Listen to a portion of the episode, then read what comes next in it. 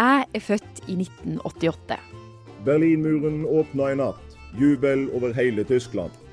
Det året før Berlinmuren falt, og jeg vokste opp med at verden så sånn her ut.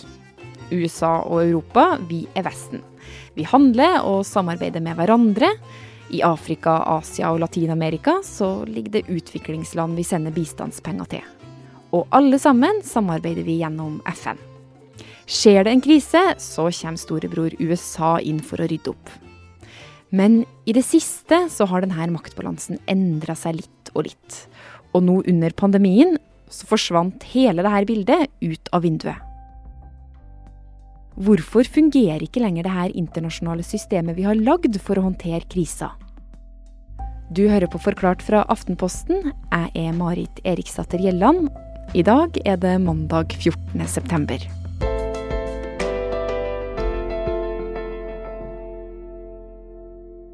Как дела у тебя? Катану, как чесать? Нормально. Алан, тебе дать ложку? Убери катану. Jamila Krajceva er et eh, 39 år gammelt fyrverkeri. Eh, hun smiler hele tida. Eh, er trebarnsmor, opprinnelig fra Kasakhstan.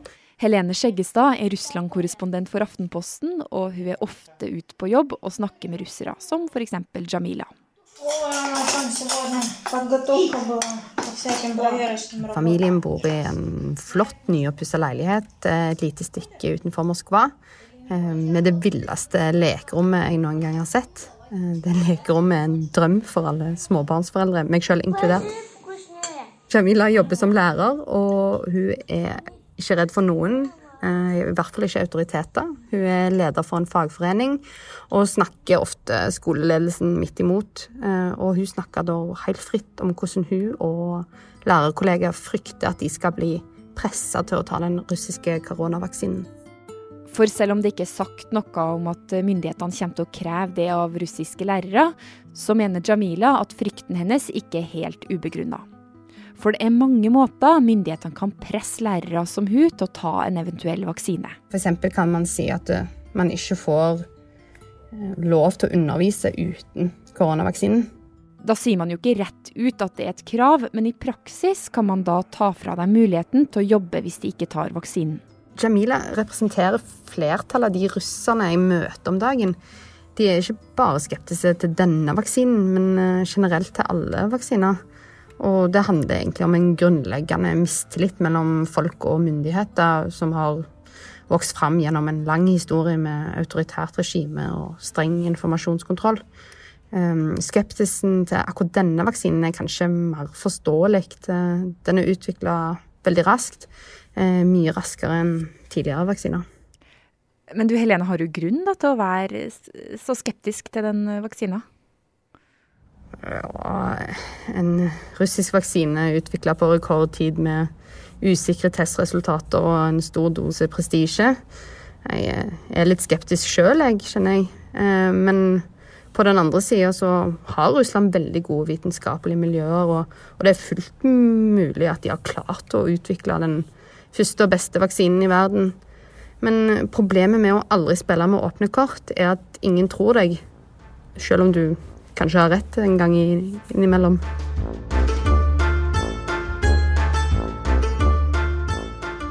Men det er jo ikke bare Russland som vil være først. Alle verdens stormakter konkurrerer om det samme. Og at konkurransene har, det kan man både se på retorikk og faktisk politikk. Det inngås jo milliardavtaler i hytt og pine med selskaper som kan vise til gode resultater. Og det rustes jo òg opp eh, produksjonskapasitet over hele verden. Eh, retorisk så, så vi jo hvordan Donald Trump har lansert denne Operation Warp eh, Speed. First, we'll end the pandemic under Operation Warp Speed. For å utvikle en vaksine i rekordfart.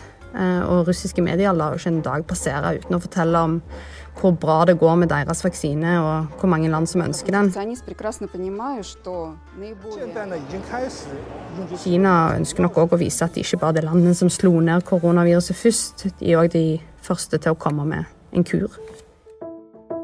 Og det her vaksinekappløpet, det har påvirka balansen i verden.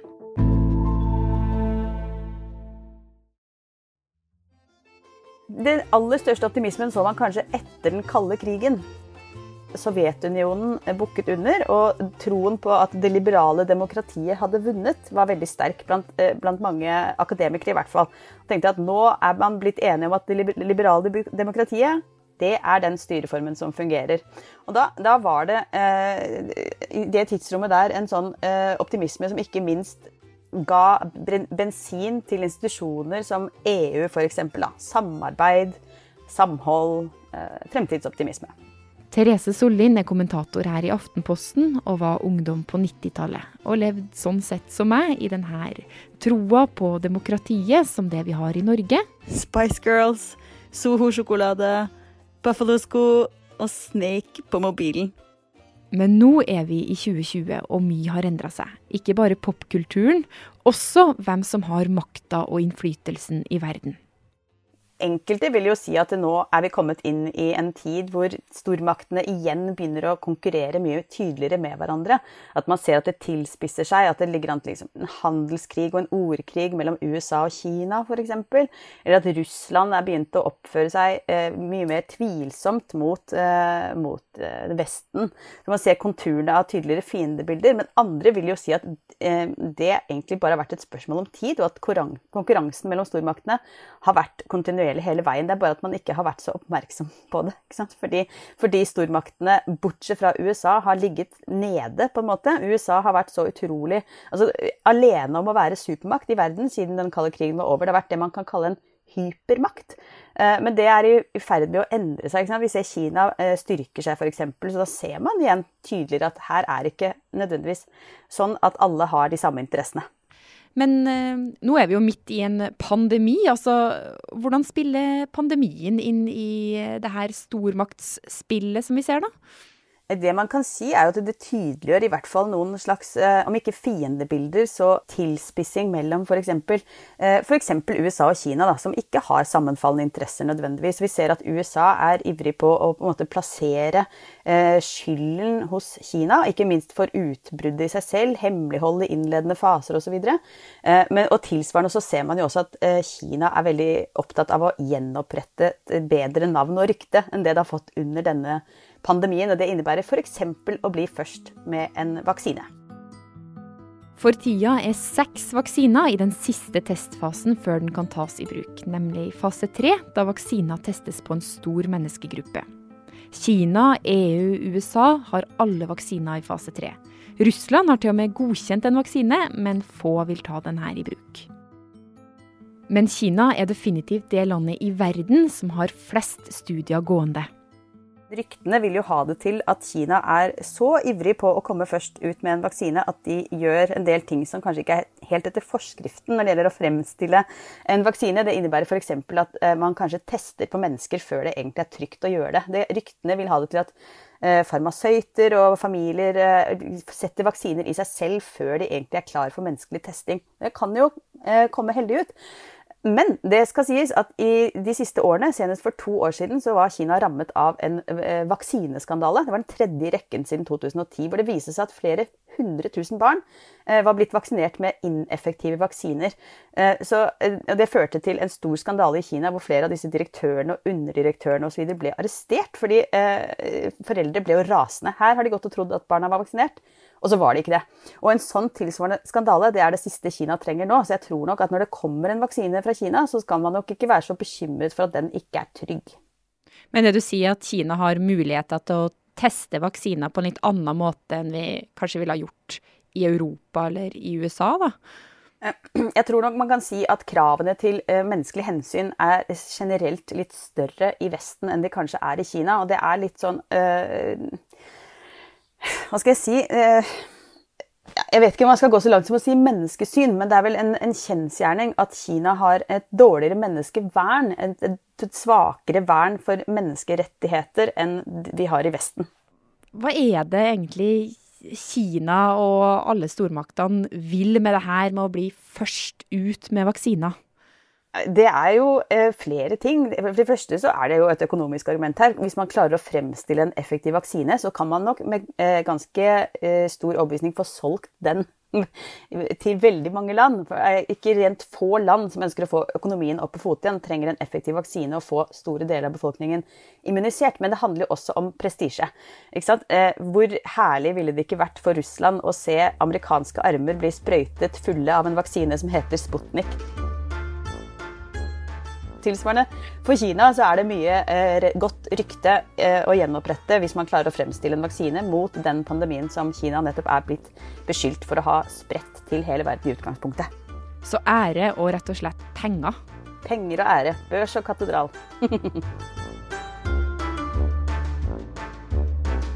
det her er ikke første gangen stormaktene konkurrerer.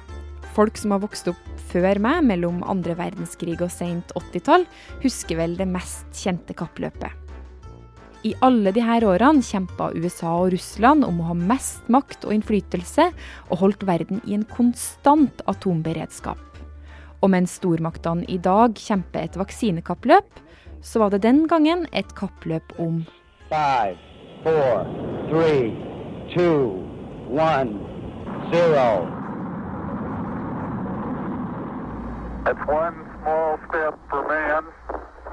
Ja, romfart.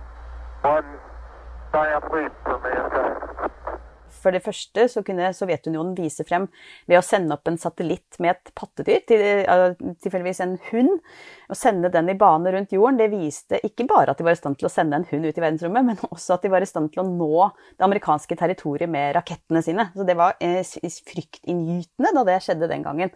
Eh, nå er det jo ikke like fryktinngytende det man holder på med nå, å fremstille en vaksine, men konkurransen er like sterk som den var da, og den potensielle prestisjen er også like sterk som den var da kan det også være litt bra at eh, stormaktene kjemper om det? Blir, blir det ikke bare litt mer konkurranse om å, å bli først og best?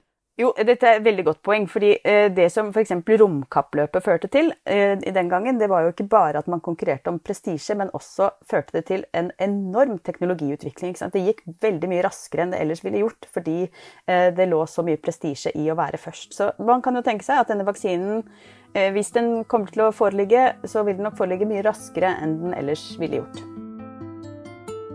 Den vaksina vi i Norge har satt vår lit til, er vaksina EU har en avtale om å få når den er klar. Oxford-vaksina er en av de som nå er i den siste testfasen. Samtidig så driver USA, Russland og Kina med sine utprøvinger. Og forventninga er at en vaksine vil komme på markedet i løpet av et halvår. Vi kan glede oss til jul. Da nærmer vi oss sannsynligvis godkjenning av den første vaksinen og de første dosene kan i beste fall bli tilgjengelige på begynnelsen av det nye året. Spørsmålet blir da hvem som skal få den først.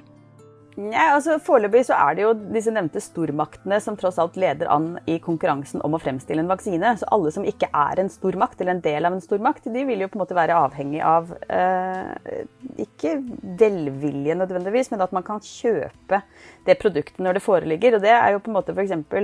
Eh, altså alle kontinenter som består av små land. De vil jo på en måte være avhengig av stormaktenes eh, handelsavtaler og kanskje også til en viss grad gunst, når det først foreligger en vaksine, da. Um, men er det sånn at for alle land i verden kan vel ikke få vaksiner med en gang den er her? Det er vel noen som vil bli prioritert, eller? Ja, det vil jo være Jeg tror nok ikke man skal underkjenne at den som kan betale mest, også kanskje også er den som får flest. Men du, altså vi har jo organisasjoner som Verdens helseorganisasjon, FN, EU. Og det her er jo samarbeidsorganisasjoner som skal sørge for at alle sammen skal jobbe sammen for å dra verden fremover, spesielt i krisa. Hvorfor fungerer det ikke sånn nå, da? Det eh, kommer litt an på hvilket verdenssyn man eh, anlegger. Altså, fordi det er klart at disse institusjonene er nettopp som du sier, ment å skulle uh, gjøre, tilrettelegge for samarbeid og samhandling, og at alle nasjonsstatene og stormaktene skal være venner med hverandre, åpne og ærlige. Men i praksis så er det en sterk konkurranse her. Og det er mye å hente på å være først.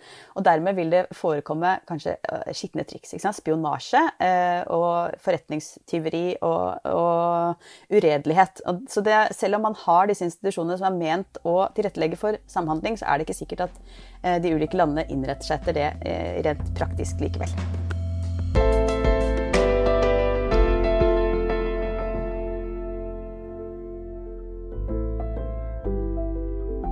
Forklart lages av Caroline Fossland, Fride Næss Nonstad, Anne Lindholm, Andreas Bakkefoss og meg, Marit Eriksdatter Gjelland. I denne episoden har du hørt lyd fra NASA, nyhetsbyrået AP, VGTV og NRK.